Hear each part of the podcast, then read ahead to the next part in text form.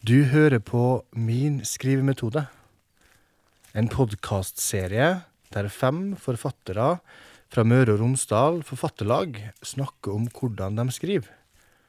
Nå Aina Basso.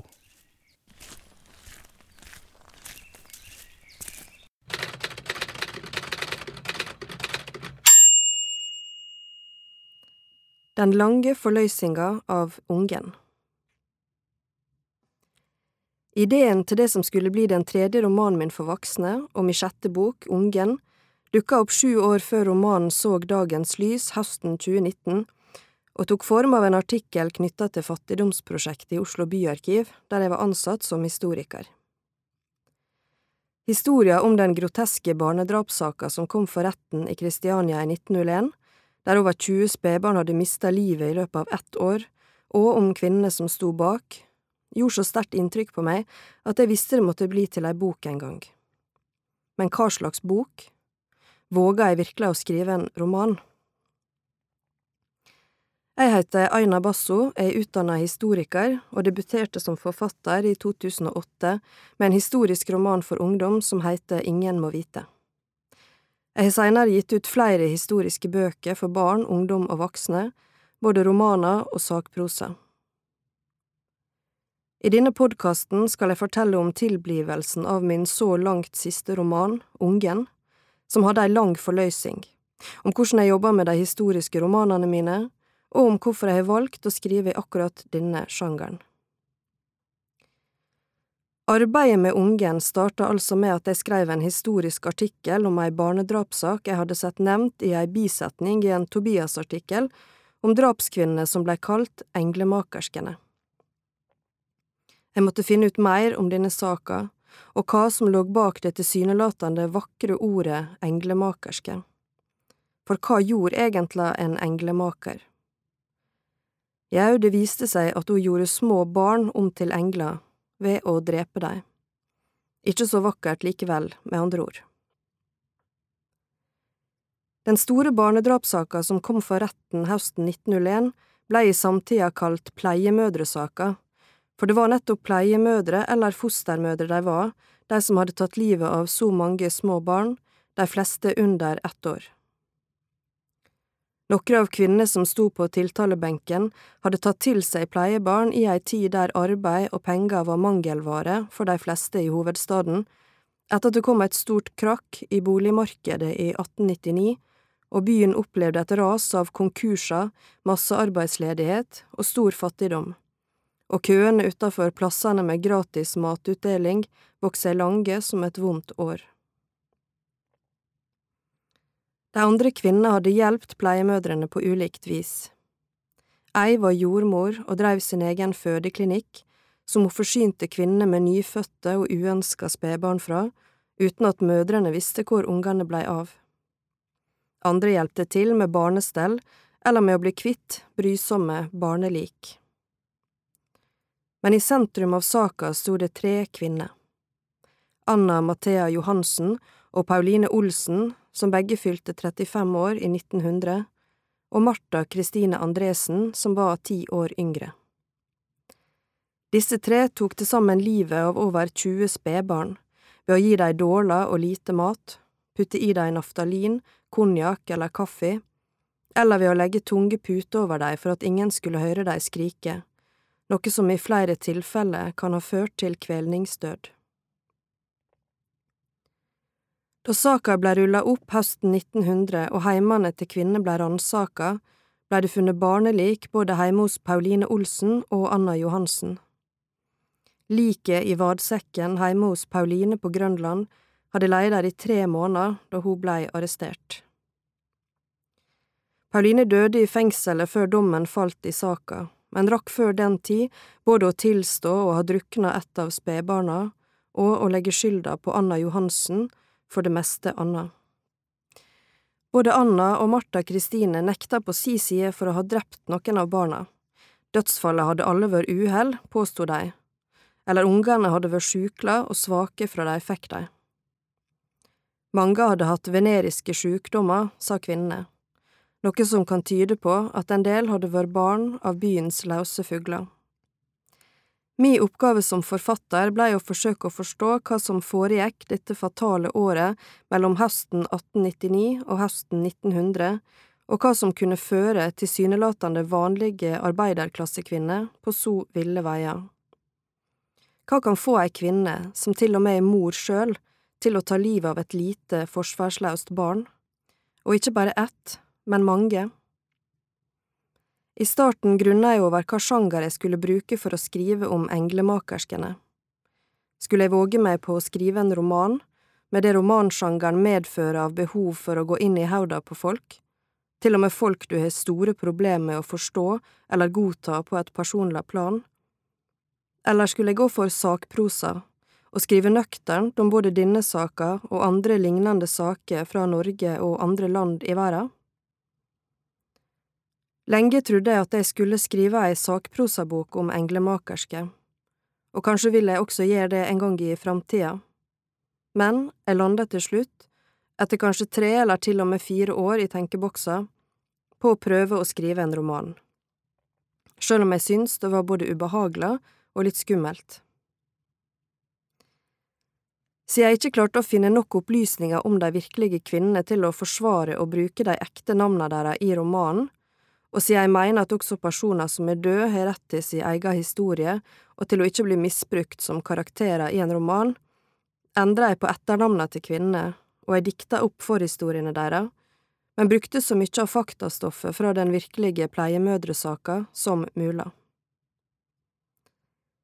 I det første utkastet til romanen hadde jeg det en trygt kan kalle berøringsangst for å gå inn i hodet til ei barnedrapskvinne og kanskje var det derfor jeg valgte å bygge opp et manus bestående av tre fortellinger og tre fortellere.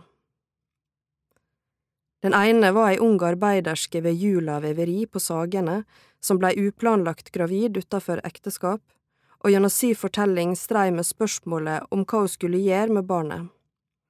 Behalde det og få ryktet og kanskje sjansene for å nok en gang bli gift ødelagt, eller kvitte seg med det på et eller annet vis. Den andre fortelleren var ei ufrivillig barnløs vestkantfrue som stadig opplevde å miste barna hun bar på, i spontanaborter eller for tidlige fødsler. Og den tredje fortelleren var Anna, hun som tok til seg pleiebarn for pengene si skyld, og enda med å ta livet av dem. Manuset kretser rundt to spørsmål. Hva er et barn verdt hvis ingen vil ha det, og hva er verdien av et barn når han ikke kan få et? Jeg prøvde som best jeg kunne å skrive ut og flette disse tre fortellingene inn i hverandre, men der jeg ganske greit klarte å gå inn i de to første kvinnene, vegra jeg meg for å gå inn i Anna. De første forsøka jeg gjorde på skjønnlitterær bearbeiding av barnedrapssaker, var nærmere dramatikk enn prosa, og bestod av replikker, nærmest strippa for skildring av tanker, følelser, omgivelser osv. Sjøl om jeg likte ideen, skjønte jeg ganske fort at dette ikke ville fungere, jeg måtte bygge ut. Anna måtte få mer kjøt på beinet på alle vis, hun måtte bli levende og tydelig for leseren, og det måtte også rommene hun oppholdt seg i, på østkanten av byen. Og ikke minst måtte jeg våge å gå inn i hodet og se ut gjennom øynene til ei som går så langt som til å ta livet av små, forsvarsløse barn. Hva var det som førte henne dit? Hvordan var veien hennes fram til dette grenseoverskridende punktet? Hvem var hun, egentlig? Det hadde kanskje vært enklere å legge romanen opp som en krimroman, der oss følger etterforskninga eller etterforskerne og drapskvinnene parallelt, og kanskje starte med at liket av et spedbarn blir funnet i Gaustadbekken. Men jeg ville ikke gjøre dette til ei spenningshistorie. Jeg ville få fram det grufulle ved denne høgst virkelige og djupt tragiske saka, og jeg ville prøve å forstå, eller gi ei eller anna slags mulig forklaring på hvordan noe slikt kunne skje. Jeg ville ikke spille på de sensasjonelle aspekta, noe jeg var redd for at ville hende dersom jeg la det opp som en spenningsroman.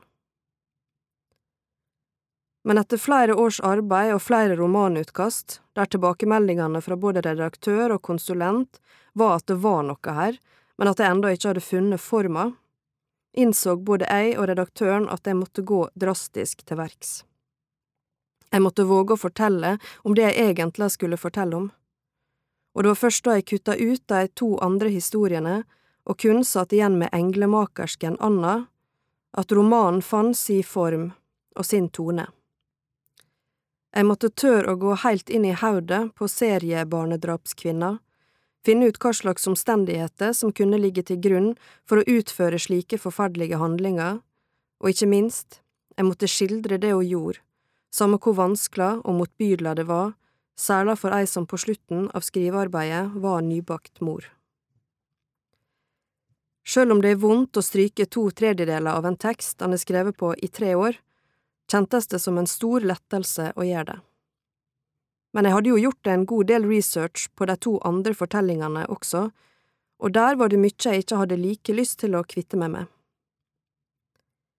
Til fortellinga om hun som arbeider på Jula veveri, hadde jeg gjort mest, både på det konkrete arbeidet ved veveriet i 1890-åra, hvordan veveriet var bygd opp, hvordan maskinene fungerte, hvordan arbeidsstokken var satt sammen, hva slags stoff de vevde, og så videre. Jeg hadde vært på Norsk Teknisk Museum og sett på arkivet etter Jula veveri og blitt vist elektriske vevstoler fra den tida, av to dyktige kuratorer som satte av tid til å hjelpe meg å forstå mekanismene ved fabrikken på ulike plan.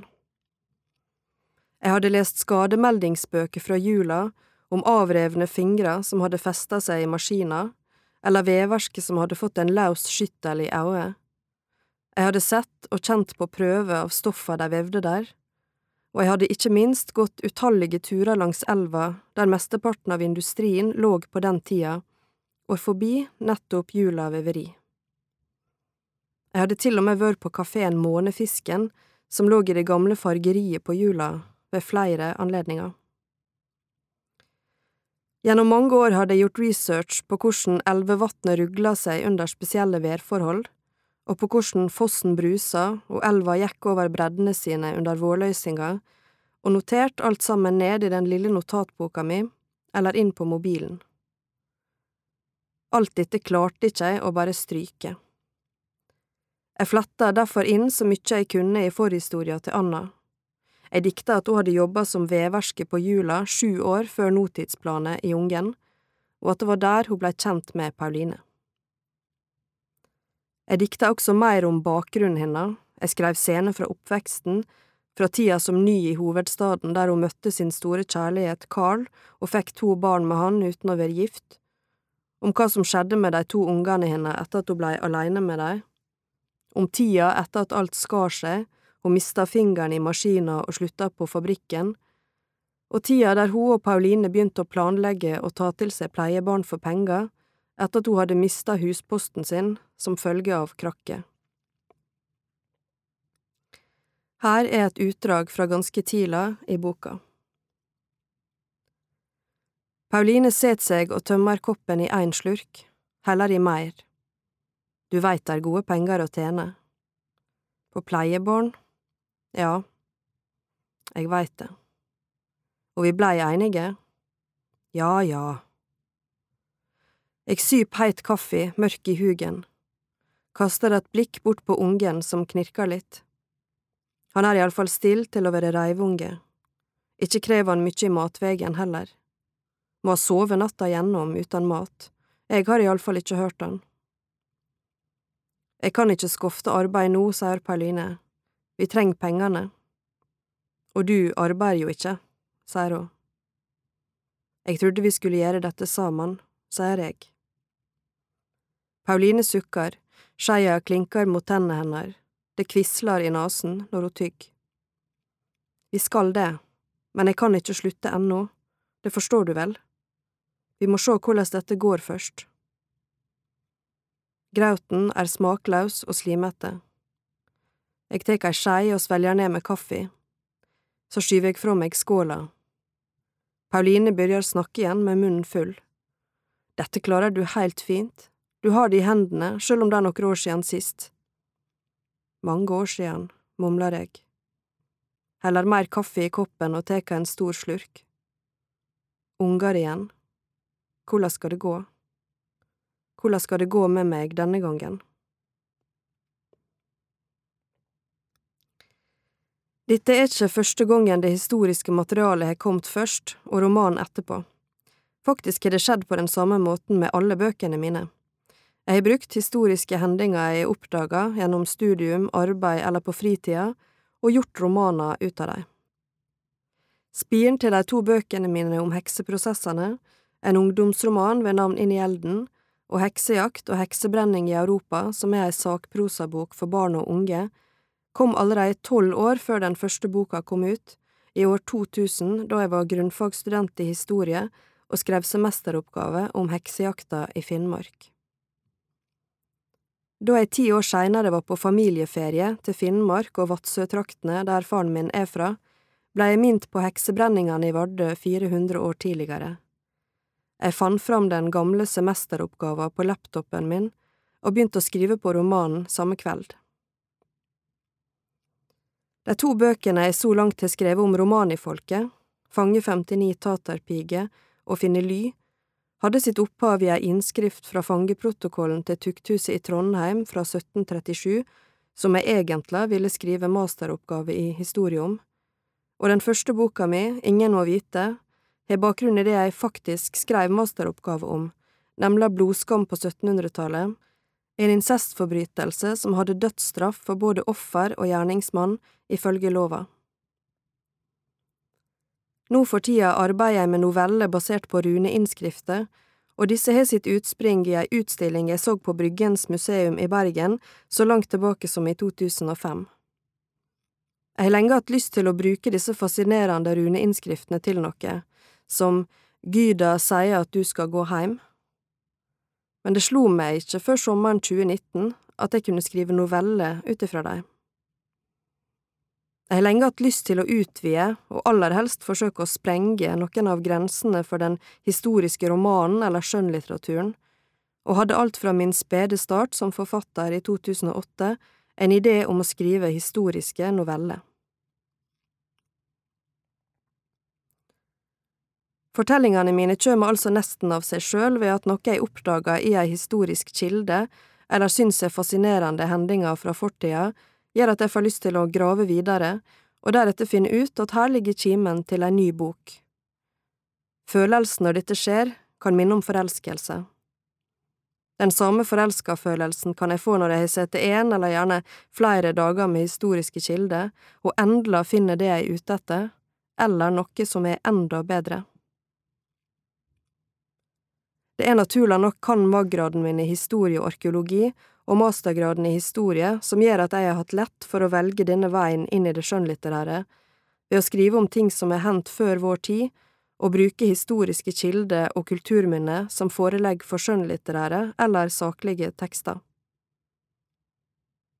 En del av meg har alltid hatt lyst til å forske i historia, og gjennom arbeidet med å skrive bøker om ulike historiske tema får jeg være litt forsker også, på mitt eget lille vis. Å bruke historier som inspirasjon betyr å få mange gratis ideer, og ikke minst uventa vendinger i fortellingene som jeg ikke hadde klart å fantasere fram sjøl. Virkeligheta er rett og slett bedre og både mer spektakulær og underla enn fantasien, iallfall min. Noe av det mest fascinerende med kildegransking er jo alt det uventa han finner der som at mange trollkvinner sa at de hadde fått trolldommen gjennom et stykke brød med smør. Noe så hverdagsla at han ikke ville tenkt på det. Gjennom slike utsagn i hekseprosessene kommer mye av dagliglivet til syne, og gjennom andre trer forestillingsverda fram også. Bak alle bøkene mine ligger det mye research til grunn, det gjelder det samme om jeg skriver for barn, ungdom eller voksne. Kildearbeidet er det samme, og jeg er like opptatt av å gjøre det skikkelig, samme hvem jeg skriver for. Skal jeg bryte med de historiske fakta, skal jeg gjøre det bevisst, og vite at det er nettopp det jeg gjør. Men hovedmålet er å skrive ting som kunne ha skjedd i virkeligheten. Det som alltid forundrer meg, er akkurat hvor mye en faktisk må undersøke og sette seg inn i når en skal prøve å skildre ei anna historisk tid enn sin egen. Hvordan så egentlig husa ut på 1700-tallet? Hva slags klær gikk folk med? Når gjorde undertøyet sitt inntog? Og hva med kaffe, gaffelen, paraplyen? Hva åt de, hva drakk de, hva drakk de av? Eller hvordan forholdt de seg til det som skjedde i verden, og hvor mye visste de om ting som foregikk utafor si egen lille bygd eller by? Hva så egentlig ei jente på 1600-tallet hvis hun la seg ned på multemyra og studerte skyene på himmelen? Hva bestod hinna forestillingsverden av? Ikke elefanter, ikke helikopter, derimot kanskje hekser og demoner, underjordiske, tusser og troll. Å forsøke på best mulig vis å sette seg inn i mentaliteten til mennesker i andre historiske tider enn vår egen, er både veldig viktig og ei ganske stor utfordring. Man må avdekke hva som tilhører den moderne verden, et moderne tankesett, en moderne verdensforståelse, og man må unngå å bli ahistorisk, altså å tillegge fortidsmennesket tanker, handlings- eller talemåter som er usannsynlige og tilhører vår egen tid, eller en seinere tidsepoke enn den han skriver om. Det er alltid funnes unntak, sjølsagt, men hvis alle historiske romaner skal ha unntaksmenneske i hovedrolla, som agerer som de ville gjort om de levde i 2020, er det vel ikke så mye vits i å verken skrive eller lese bøker fra andre tider enn vår. Researchen tar ikke slutt før boka er helt ferdig. Det er alltid en siste lille detalj jeg bare må sjekke ut. Researchen og skrivinga går altså parallelt hele veien. Noe som er like viktig for meg som at de historiske faktaene stemmer, eller at karakterene blir levende og troverdige mennesker, er språket. Jeg er opptatt av at språket mitt ikke blir for moderne, og luker ut ord som jeg anser som tilhørende en langt seinere tidsepoke enn den jeg skriver om, som for eksempel å spionere. Men jeg er også opptatt av språket på en annen måte enn det rent instrumentelle. Språket som musikk, kanskje? Jeg begynte å skrive i poetiske, korthogde setninger i debutboka mi, men har seinere eksperimentert med å skrive lengre setninger med flere innskudd i en rytmisk tanke- og bevissthetsflaum. Jeg har alltid vært opptatt av rytmen i setningene og avsnittene mine, av flyten i setningene, av klangen i orda, og av at ord jeg velger å bruke er de beste jeg kan klare å finne. Skal jeg skildre noe, vil jeg helst bruke færrest mulig ord, og orda skal kjennes riktige, gi de rette assosiasjonene, og språket skal helst være effektivt, på den måten at jeg får sagt det jeg vil og lager de bilder jeg ønsker, uten å bruke altfor mange ord på å gjøre det. Språket mitt blir av og til omtalt av leserne som et enkelt og lettlest nynorsk. Jeg bruker naturlig nok få fremmedord i bøkene mine fordi jeg stort sett skriver om enkle folk fra enkle kår med lav utdannelse, som å snakke og tenke på en troverdig måte. Men jeg har tenkt litt på dette med språket, og hvor mye arbeid som ofte ligger bak det som oppleves som enkelt og lettlest for en leser. Det som er lett å lese, er ikke nødvendigvis like lett eller fort gjort å skrive. Jeg jobber mye med språket i bøkene mine, med å finne den rette tonen til den rette personen, de rette metaforene for situasjonen og sinnsstemninga til hovedkarakteren, med god flyt og rytme og klang, som jeg har vært inne på. Da jeg skrev Ungen, valgte jeg å bruke to ulike språklige stiler gjennom fortellinga til Anna. På nåtidsplanet brukte jeg en korthogd, av og til aggressiv stil, mens tilbakeblikka fikk lengre setninger med flere komma og innskudd, for å skape et skille både fysisk i hermetegn og mentalt. Jeg ville at språket skulle reflektere sinnstilstanden til Anna i de ulike periodene av livet hennes, i et før og et nå. Slik kan før høres ut. Det kom et kaldt sug fra fossen da jeg kryssa Beierbrua etter at jeg var ferdig for dagen på fabrikken, et svalt drag i den varme kvelden. Det gjorde godt mot den klamme huda, men så var jeg over, og varmen pakka seg rundt meg igjen. Tora rumla i det fjerne, og for en gangs skyld lengta jeg etter regn. Og her er nå. Ungen sutrer. Jeg venter litt for å se om det går over. Det gjør somme tider det, de roer seg om jeg letter i fred. Høstregnet trommer mot glassrutene, gjør de låge husa i smalgangen svarte av hvete og får rennestein til å fløyme over.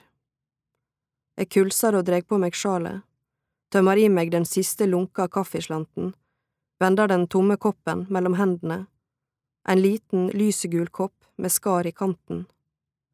Men ungen held fram, har fått ei rynke mellom bryna. Den første og den siste delen av arbeidet er det kjekkeste for meg. Det fine med starten er hvor åpe alt er, og hvor uforpliktende, før noen veit hva jeg jobber med, når det enda er lenge til noen skal lese og komme med sine meninger. Da samler jeg stoff og leter etter en hovedkarakter. Hvem er hun eller han, hvordan skal personligheten være? Hva bakgrunn har dette mennesket? Hva ballast? Hvem er personene, relasjonene og omgivelsene rundt? Det fine med sluttfasen er at jeg kan bruke tid på å finslipe språket mitt når alt det andre er på plass. Det er nok også litt av grunnen til at jeg liker så godt å jobbe hjemmefra, aller helst alene i huset. Jeg har behov for å lese teksten min høyt for meg sjøl for å høre hvordan det klinger, og jeg liker ikke å bli observert av noen mens jeg skriver. Jeg er også lett for å bli distrahert av lyd, enten det er radio, snakking eller musikk, så jeg sitter aller helst i et stilt rom i min egen heim og skriver uten noen forstyrrelser. Researchen må jeg naturlig nok ofte ta andre plasser, på ulike arkivinstitusjoner, kanskje i forskjellige byer, eller på ulike fagbibliotek eller museum men takka være den økende digitaliseringa kan jeg ta en stadig større del hjemmefra der også, og sitter gjerne i ro og mak i min egen heim og ser på bilder av øksene til skarpretterslekta Lædel, fotografier av Vaterland i 1899, eller leser skanna rettsprotokoller eller avisartikler fra fordums tid. Et spørsmål jeg ofte stiller meg når jeg har begynt å jobbe med en ny bok, er hvor tidlig jeg skal involvere redaktøren. Ofte har jeg en prat med de ulike redaktørene jeg har for de forskjellige prosjektene mine, ganske tidlig i prosessen, kanskje mens det ennå er på idéplanet. Da skisserer jeg ideen jeg har for å høre om den aktuelle redaktøren synes det virker interessant og noe å gå videre med. Mens jeg i starten sendte inn manusutkast på et ganske tidlig stadium, har jeg seinere stadig mer falt ned på å forsøke å gjennomarbeide et så godt som mulig første utkast før jeg sender til redaktør. Grunnen til dette er at jeg vil finne ut hva jeg sjøl vil med teksten, før jeg slipper til andre lesere og deres meninger. Ettersom åra har gått og jeg har jobba meg gjennom stadig flere bøker sammen med ulike redaktører og konsulenter, har jeg også opparbeidet en viss teft for hva som mangler i et manus, og jeg kan ofte forestille meg hva spørsmål en redaktør vil stille til teksten, hvis jeg innerst inne veit at det er noen høl eller logiske brister der. Men det kan likevel bli en del overraskelser når han får tilbakemelding på en tekst, og nokså mye arbeid og mange flere utkast å skrive etter det første relativt gjennomarbeidede utkastet, slik det blant annet blei med Ungen.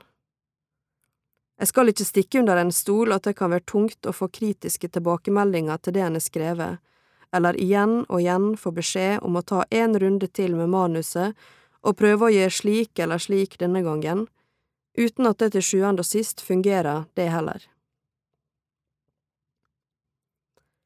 Med ungen slutta jeg å telle utkast da jeg kom til det fjerde, og var ganske sliten av hele prosjektet da jeg fikk en ny giv ved å kutte ut to tredjedeler av teksten og begynne på nytt.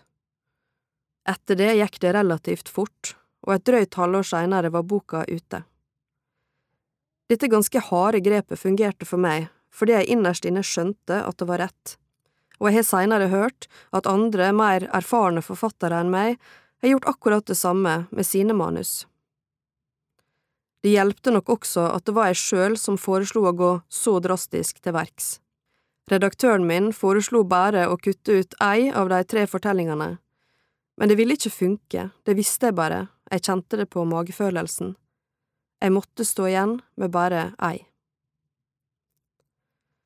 Et av de første råda jeg fikk som ung forfatterspire, var Kill Your Darlings.